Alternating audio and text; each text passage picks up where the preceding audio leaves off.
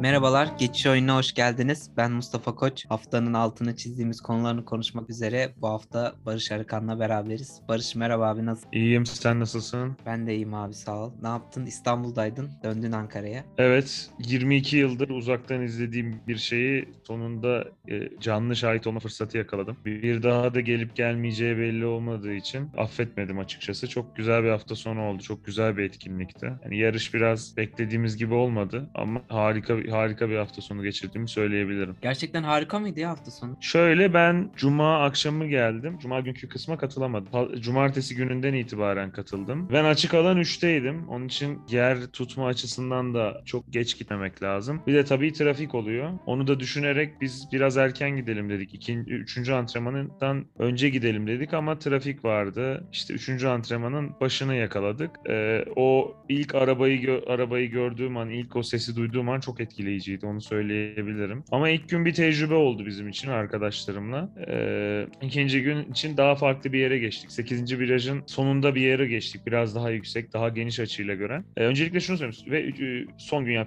yarışın olduğu gün yarış 3'teydi ama biz 10.30 gibi falan yerimizi almıştık. Oo. Hem iyi bir yer tutalım diye. Ya şöyle insanlara şey gibi geliyor böyle tahmin ediyorum bana da öyle geliyordu yarışa gitmeden önce. Böyle orada nasıl vakit geçer, ne yapılır, ne edilir diye. Aslında ortam çok keyifli. Yani ben ODTÜ'lüyüm. ODTÜ'deki bir şenlik atmosferi var resmen. Ee, yani yeşil bir alan. Tabii ki önümüzde pist de var. Ee, önceki cumartesi günü ve cuma günü sürekli yarışlar oluyor zaten. Formula 1 araçları, antrenman turları şeyler. Ara ara çıkıp geliyorlar, gidiyorlar. Onun dışında ortam çok güzel. Tek eksik yiyecek satışı çok kısıtlı ve pahalıydı. Hadi pahalılığını da geçtim kötüydü. Yani oraya yakışan bir şey yoktu. Bizim arkadaşlarımla onu söyledik. Yani şu statlarda olan tükrük köfte falan öyle bir şeyler olsa çok tutardı. Ya, yabancılara da. Fiyatı önemli değil. 100 liraya da satsalar alan yerli yabancı çok olurdu. Ee, biz tabii şey yiyecek getirmek yasak dediler ama herkes getirmişti. Cep, cebimize sandviç yapıp koyup onu yedik. Yani yiye içe arkadaşlarımla gittim birden. Tek gidilecek bir şey değil zaten. Ee, o saatlerde yani onu dedim. Geçen haftada ODTÜ'de kampüste arkadaşlarımla yiyip içip sohbet etmiştim birkaç saat. Şimdi de öyle oldu. Bir de sonunda yarış oldu. Çok güzeldi. Ee, ilk tur ve sonrasında araçların arka arkaya geçmesi böyle o hızla çok etkileyici. Ee, onu söyleyebilirim ilk kez giden biri için. Bir de tabii ders çıkardık. Ekranın önüne oturmak çok önemliymiş. İlk gün pek bir şey anlamamıştık olandan bir taneden. Ama ikinci gün ekranın önüne de oturunca yarışı da anladık. Hem de önümüzden de sürekli araçlar geçti. Takip etmiş olduk. Aslında pek iyi bir yarış olmadı bizim. Ee, Yani Yani, bir çok heyecanlı hava- böyle bir yarış değildi. Açık hava etkinliği için pek güzel bir hava yoktu sadece. Yo Benim o güzeldi aslında. Ne Bence bileyim, güzeldi. soğuk ve yağmurlu bir hava vardı aslında ama Çok soğuk değil, oturulmayacak kadar soğuk değildi. Yağmur da böyle ıslatacak kadar yağmıyordu. Çiseliyordu. Aslında biz yağmur istiyorduk. Yani sürekli herkes yağmur yağsın etrafımdaki insanlardan da duyuyordum. Hava durumunu takip ediyorlardı. Yağmur yağmasını istiyorlardı. Keyifli, sürprizli bir yarış olması için. Evet. Yani çiseleyen bir yağmur vardı. Arada arttı, azaldı. Yani bizi otururken rahatsız etmiyordu. ki Ama yeri ıslatacak kadar yağdı. Ama o da sürprize neden olacak kadar fazla değildi belki. Hatta pit stop yapma zorunluluğunu da ortadan kaldırdı. Bizde herkes birbirine soruyordu nasıl pite girmeden yarış bitirebiliyor mu diye. Sonuçta e, Hamilton girmek zorunda kaldı ama Ocon girmeden bitirip puanı aldı. Yani işte yağış öyle tuhaftı ki lastik seçimlerini de çok etkiledi yarışta. Ee, karar vermekte çok zorlananlar oldu. inisiyatif alanlar oldu. O da sıralamayı çok etkiledi tabii. Yani şimdi şöyle Ocon risk alabilecek konumda. Pite girse puan barajının dışında bitirecekti muhtemelen. O riski alabildi. Leclerc de biraz o riski aldı. Lider devam edebilse edecekti. Çünkü Ferrari için bu sezonu yarış ka- kazanarak bitirmek önemli. Tutamayınca hemen e, pitini yaptı. Dördüncülüğe çıktı. O konuda bir onları anlayabilirim ama Lewis Hamilton biraz ısrar etti. O birazcık daha e, üst sıralarda kalmayı, galibiyete oynamayı ya da en azından podyumda bitirmeyi istedi. Ama Mercedes bence mantıklı bir karar verdi. Lastikler bitmişti artık. E, kuru zemin lastiğine dönmüştü. E, geçen sene o şekilde yarış kazanmıştı ama geçen sene risk alabilecek konumdaydı. Zaten şampiyonayı bitirmişti. Bu sene bir yarış dışı şampiyonluğu tamamen bitirebilir. Onun için ben hani Mercedes takımını anlıyorum. Sadece e, bir geç kaldılar. Biraz daha erken o kararı verseler kesin dördüncü olurdu. Hatta üçüncü de bitirebilirdi hemen. Peki sen yarışı en azından e, kalite olarak pek iyi bulmadın. Yani heyecanlı değildi. Biraz başladığı gibi bitti. Evet. Yani heyecan katan bir iki pilot oldu. Ama yani öyle sezonun yani Türkiye Grand Prix'si olduğu için biz tabii ki hep hatırlayacağız. Ben gittim de bundan birkaç sene sonra sıradan bir Formula 1 sever tarafından hatırlanacak bir yarış olacağını zannetmiyorum. Peki genel organizasyon olarak ne nasıl bahseder deneyimini? Şöyle e, herkes tabii şimdi giden herkes girişteki çıkıştaki yoğunluktan bahsediyor. E, biz erken gittik ama tabii çıkışta yine o yoğunluğa maruz kaldık. E, o açıdan sıkıntılar vardı ama Formula 1 organizasyonu genel olarak bence mükemmel bir organizasyon. Şampiyonlar Ligi finali falan belki onun kadar iyidir. Şampiyonlar Ligi finaline gitmedim ama Şampiyonlar Ligi finali olduğunda bir şehirde yer aldım. İkimiz de aynı durumdayız. Evet. Türkiye'deki finale gideriz inşallah. Ee, çok iyi bir organizasyon olsa her şeyin dakikası dakikasına belli. Müthiş bir kalite var. Ee, yani çok bu o açıdan çok başarılı olduğunu sö- söyleyebilirim. Zaten hep anlatılır. Lojistik olarak dünyanın en iyi organizasyonlarından biri. İşte pazar günü 4.30-5'te yarış bitiyor. Pazartesi sabahı pistte hiçbir şey kalmamış oluyor. Bütün tırlar toplanıp gitmiş oluyor. Dünyanın başka bir yeri. Yani o açıdan zaten çok başarılı. Ama e, genel olarak da e, işte Formula 1'in içinde yer aldığını hissettiriyor yani. E, öyle söyleyeyim. Ben he- he- sürekli şey diyorum yani nasıl bir organizasyon bu? Nasıl nasıl bir organizasyonun içindeyiz? Diyorduk şeye fanzona falan gittiğimizde de biraz pahalı tabii bize kurlardan dolayı alışveriş yapma imkanı tanımıyor ama genel olarak gerçekten e, çok farklı bir organizasyon olduğunu söyleyebilirim. Şey olarak nasıldı sence? Şimdi eee, azıcık tüm hafta sonu Instagram'da dolaşan herkes etrafındaki en az 20-25 kişinin orada izleyici olarak bulunduğunu gördü. Eee, işte paylaşılan hikayelerden ya da işte postlardan. Eee, sence de, tribünler ya da seyirci kitlesi gerçekten orada bulunmak için mi orada olanlar yoksa e, işte Formula 1'i takip eden insanlar mı daha çok yoğunluktaydı? Yani ikisinden de vardı ama Formula 1 takibinin son yıllarda çok arttığını zaten ben programlarda da söylüyordum. Yani şey var, ne kadar her yarışı izlemiyor olabilirler ama böyle herkesin fanları var ilginç bir şekilde.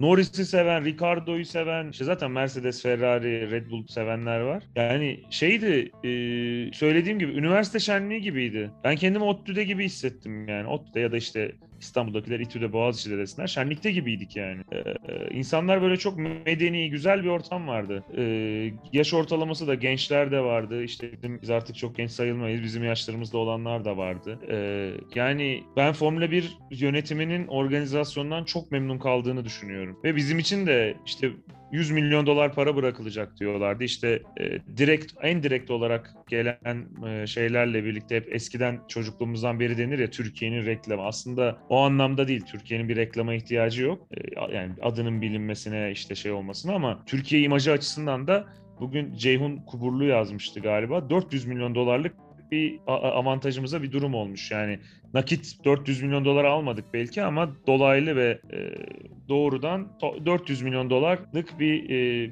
avantajımıza bir organizasyon olmuş. Bunun için artık ülkeyi yönetenlerin de federasyonun da elinin güçlendiğine ve hani maddi olarak da fedakarlık yapıp ilerleyen yıllarda Türkiye'de yarışı getireceklerini düşünüyorum.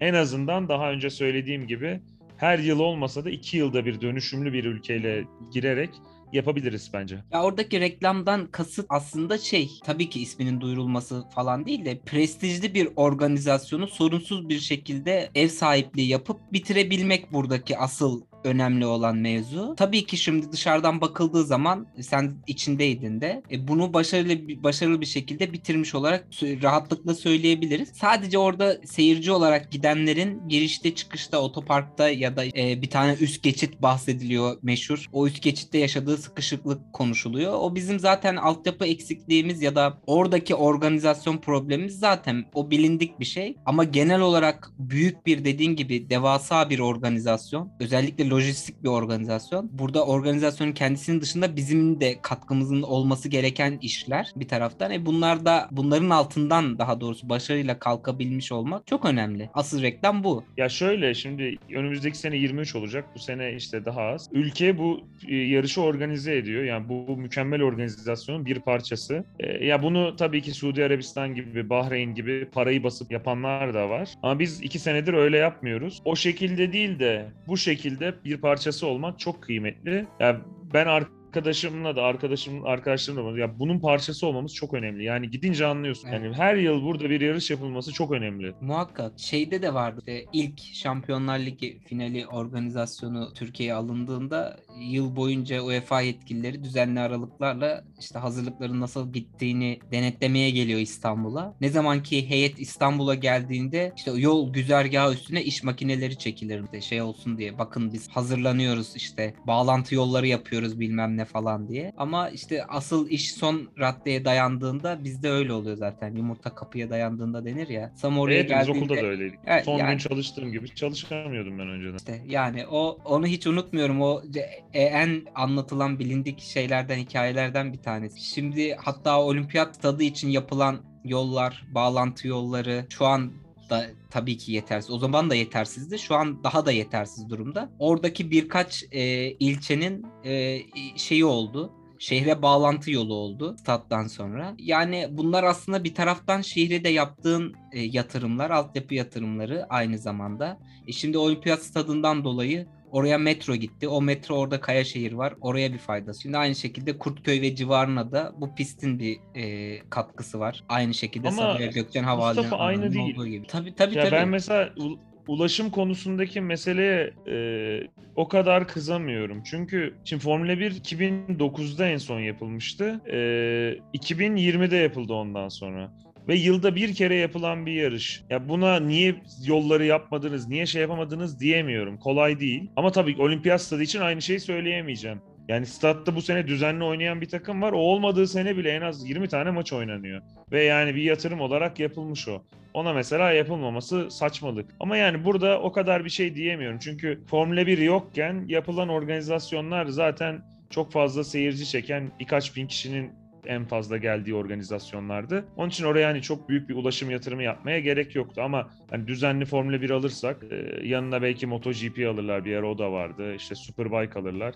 O zaman tabii ki bu kadar da yani bir hafta sonunda bu kadar da gelir getiren bir organizasyonda gerekli yatırım yapılmazsa o zaman zaten eleştiririz. Ama şimdi bir de çok bir anda olduğu için e, bir şey diyemiyorum ben. Eleştiremiyorum. öyle. Ya işte buradaki sorun acaba daha organize olup insanlara onu yaşatmadan farklı yollar denenebilir miydi? Bilmiyorum. Belediyenin işte toplu ulaşımı bir şekilde organize edip insanları ulaştırması falan ama yine de Ya zor, belediye zor, çok zor işler. Ya şöyle ben ilk gün e, onu da söyleyeyim. İlk gün para ödeme ö- iki arkadaş 6 kişiydik biz. E, bir otopark biletimiz vardı. İlk gün iki grup halinde gittik. Hem denemek için de e, dış otopark yani ücretsiz otoparka pa- arabamızı bıraktık. İkinci günde ücretli otoparka bıraktık. Ya ben o gruptaydım. İlk gün aslında gittiğimizde çok rahat ettik. Çünkü otoparka pist e, pistin girişine bu e, şeyin arkası olarak tabir edebilirim. Start finish düzün arkasındaki girişe geldik. Arabamızı bıraktık. indik. Orada e, kontrollerden geçtik işte biletimiz falan. X-ray'den geçtik.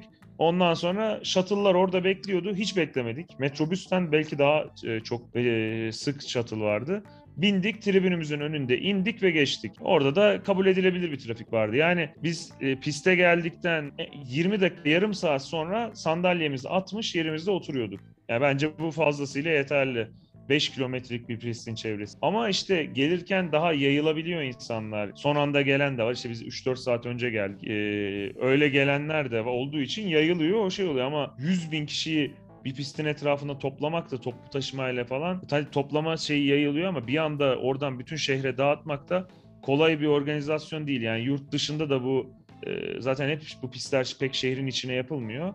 E, yurt dışında da bu pek kolay olmuyor yani. Onlarda da bildiğim kadarıyla bir yığılma oluyor Tabii, çıkışlarda. canım. tabii tabii muhakkak. Monaco haricinde pek bunu kolaylıkla halledebilen şehirde yok mümkün değil. Dediğim Ya gibi çok- Şehir pistleri, cadde pistlerinin olduğu yerler tabii ki onları saymıyorum. Bak işte şey Monaco'yu. E, ama yani genelde işte şehrin dışında oluyor. Geniş bir alana yayılmış oluyorlar.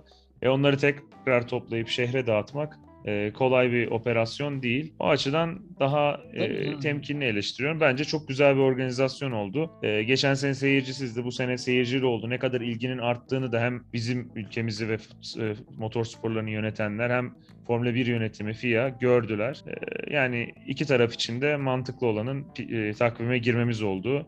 Çok net bir şekilde gözüktü. E, ben bir orta yol bulunup e, takvime gireceğimizi düşünüyorum. Umarız böyle güzel organizasyonlar izlemek üstüne e, sohbet etmek bile çok güzel. Ki de- Ülkemizde olması keyifli ya. Muhakkak. Ülkemizin bir parçası olması keyifli yani. Aynen. E, peki Ankara'ya Ankara'nın en güzel yanı Ankara'ya dönüşü müydü yoksa Ankara'dan geri dönüş? Ben Ankara'yı çok seviyorum biliyorsun. Onun için öyle bir şeye çok girmeyeceğim. Gerçi sen e, İstanbul'a gelip e, Kurtköy civarında geçirdin ama Çok İstanbul sayılmaz. Kartal'daydı arkadaşlarım. Orada konakladım. Ee, yani Kartal tabii İstanbul'da yani o öbür taraf çok İstanbul değil. Böyle kapatalım var mı Formula 1 kısmına ekleyeceğin başka bir şey abi? Şunu söyleyeyim en son bir de şampiyonluk yarışı ile ilgili. Şimdi Verstappen öne geçmiş oldu. Ee, ama ben bu yarıştan önce Verstappen'in avantajlı olduğunu düşünüyordum. Ee, canlı da gördüm. Yani zaten yarış takip edenler de fark etmişlerdir. Mercedes daha hızlıydı ki bu pistte daha dengeli olması bekleniyordu. Mercedes bir hız kazanmış. Ben sezonun geri kalanı için Hamilton'ı daha önde görmeye başladım bu yarıştan sonra. Onu söyleyebilirim. Bu sezonda favori olarak. Maalesef.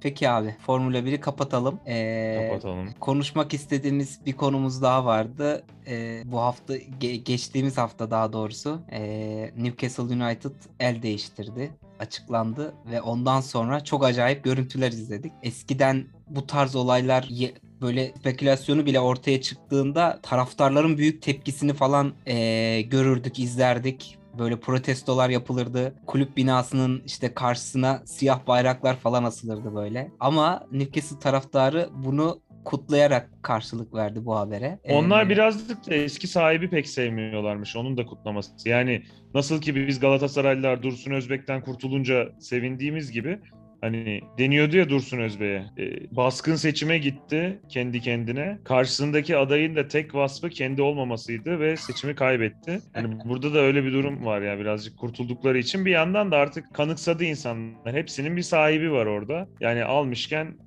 iyi biri alsın da biz de Şampiyonlar Ligi şampiyonluğunu oynayalım. Premier Lig'de bir şeyler yapalım. Sürünmeyelim kafasındalar Heh, herhalde. Ben de tam onu söyleyecektim. Yani artık bu durum işte bu sahiplik modeli işte eee, yabancı fonların kulüpleri devralıp yatırımlar yapması falan bu durum artık geçtiğimiz 10-15 yılda o kadar kanıksandı, o kadar benimsendi ki eee, bu durum eee, işte senin dediğin şekilde taraftarların eee, kulüp yönetimlerinden memnun olmayan taraftarların ya da artık bıkkınlık haline gelmiş başarısızlıkların sonrasında bir kurtuluş yolu olarak görünüyor. Ya öyle bir de şimdi maalesef Almanya dışında Almanya'da biliyorsun öyle bir şey yok işte. Evet. Onun da etrafından şöyle dolanıyorlar. Hoffenheim yaptı, Leipzig yaptı. Dördüncü ligden takım kuruyorlar. Ona bir şey yapamıyorsun yani.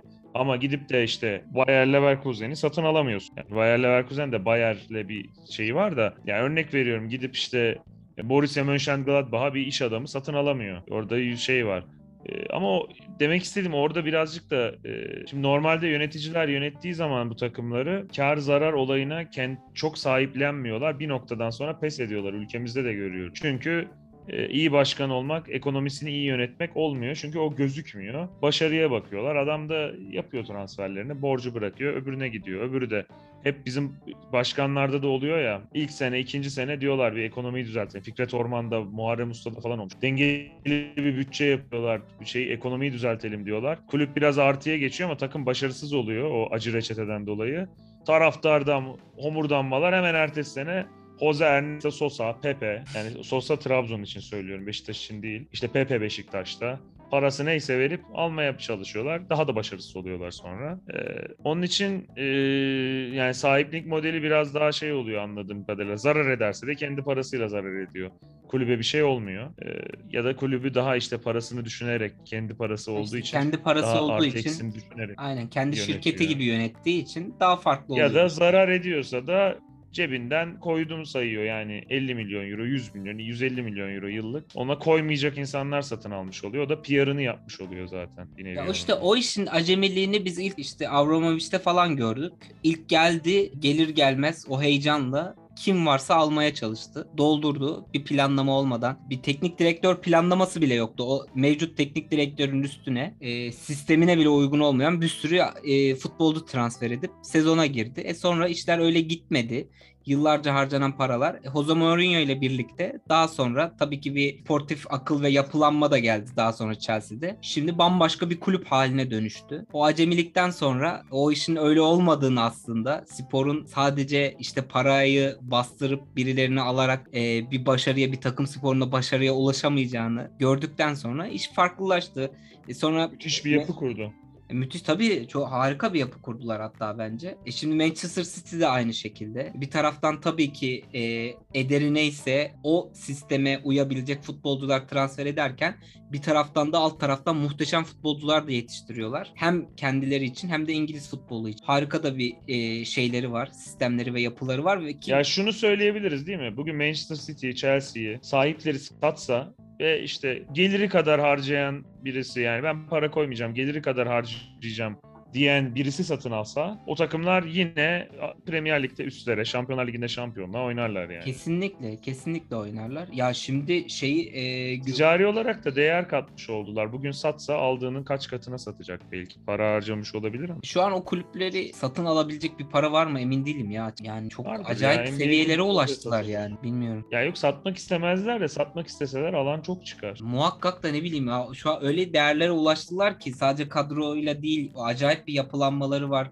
Yani Manchester City'nin şu an tesisleşme boyutu çok çılgın bir düzeyde. Sadece elde olan kadroyla değil çok acayip seviyelere ulaştılar. O yüzden diyorum yani onları alabilecek Bir bir şey- meblağ çok acayip bir şey. Biz Manchester City'yi görüyoruz da City grubun her yerde takımı var. Aynen Yani hangi var yani. Amerika'da, Avustralya'da ve hepsinden de oyuncu özel şeyde daha çok e, Red Bull'da daha çok. Yani Amerika'dan, Brezilya'dan falan e, oradan da buluyorlar, deniyorlar, beğenirlerse yolluyorlar. Acayip bir düzen var orada. Evet. Yani mesela olmaz ya satacak olsalar e, Red Bull spor organizasyonunu yani hangi birini satacaklar? Nasıl satacaklar? O da zor evet. Şimdi işte Dietrich Mateschitz satmaz ama ölene kadar. Şimdi işte aynı e, yol Newcastle'ı da bekliyor. Şu an tabii ki büyük bir sevinç şeyleri var ama yani o tekrar e, Newcastle'ı o elit kulüpler seviyesine çıkartmak için nereden baksan bir 10 yıllık süreç var muhtemelen. Yani Tam FM'de alınacak da değil mi?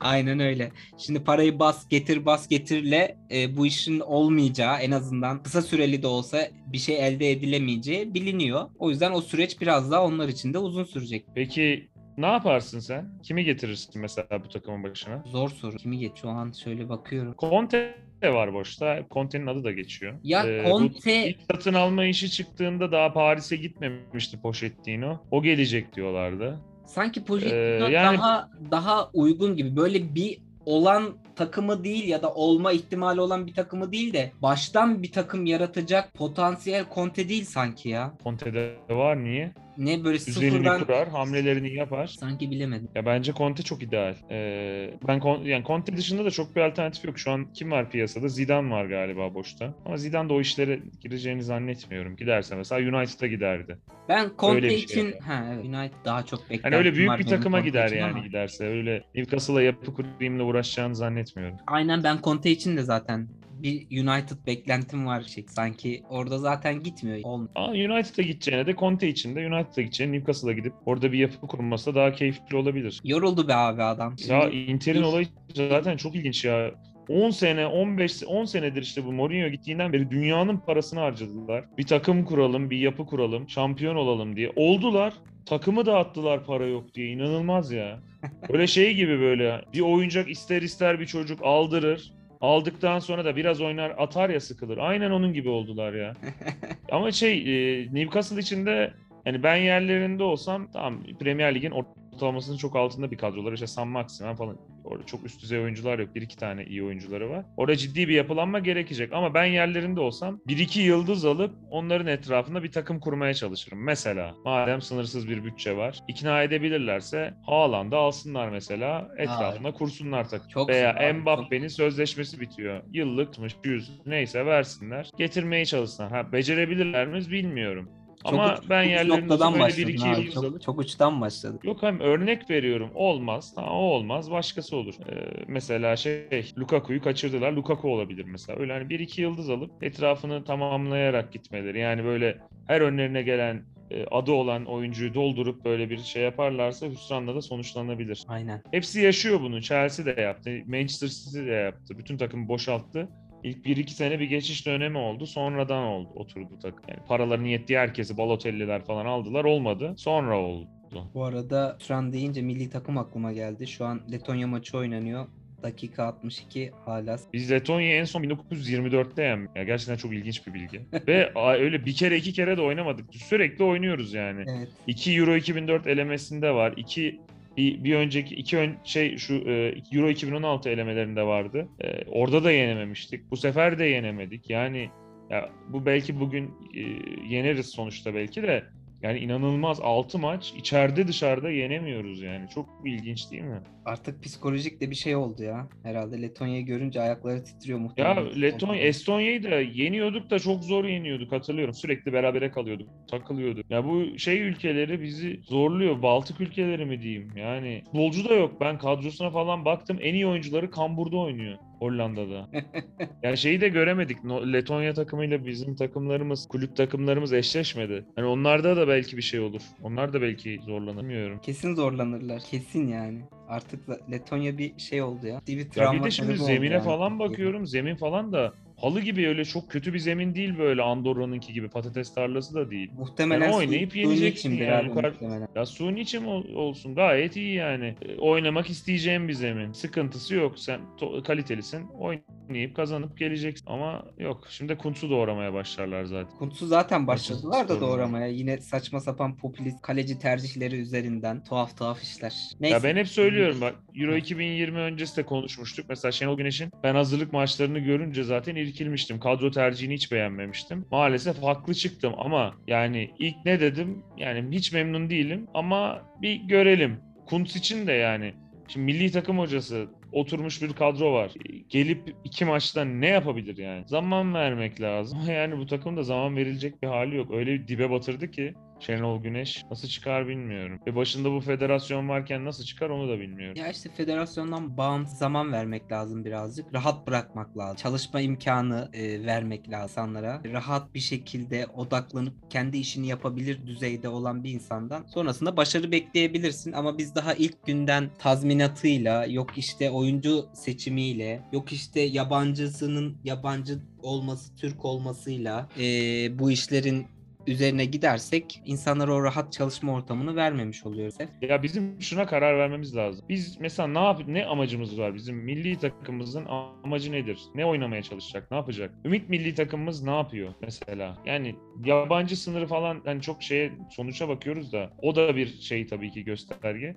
Yani biz mesela ne yapmaya çalışıyoruz? Amacımız ne ve bu şey için ne yapıyoruz? Bence bunu bir netleştirmemiz lazım. Bizim beklenti şu, bu böyle bir kadronun düzenli olarak bütün turnuvalara katılması ve o turnuvalarda en az yarı final, çeyrek final yap. Bütün ülkecek beklenti bu. Tabii bunun gerçekçi olmadığı ortada. Bu potansiyelli bir kadronun belki Avrupa Şampiyonası'nda derli toplu iyi bir teknik direktör ve ekiple birlikte gitmiş olsaydı en azından grup çıkıp e, gruptan çıkıp e, bir iki tur devam etme ihtimali vardı ama onun da içine ettik. Hani bundan sonrası için buradan tekrar ayağa kaldırma adına da görev verilen teknik adama özgür çalışma ortamı sunmamız lazım. Başka bir şey değil. Dediğin Ve gibi zaman hedef- vermek lazım. tabii ki aynı Dört maç şekilde. kala gelip Kazı toparlayamadı diye adamı e, yani bir maçta ne yapabilir yani? Kunt ne diyecek yani? Takımında sıkıntı var.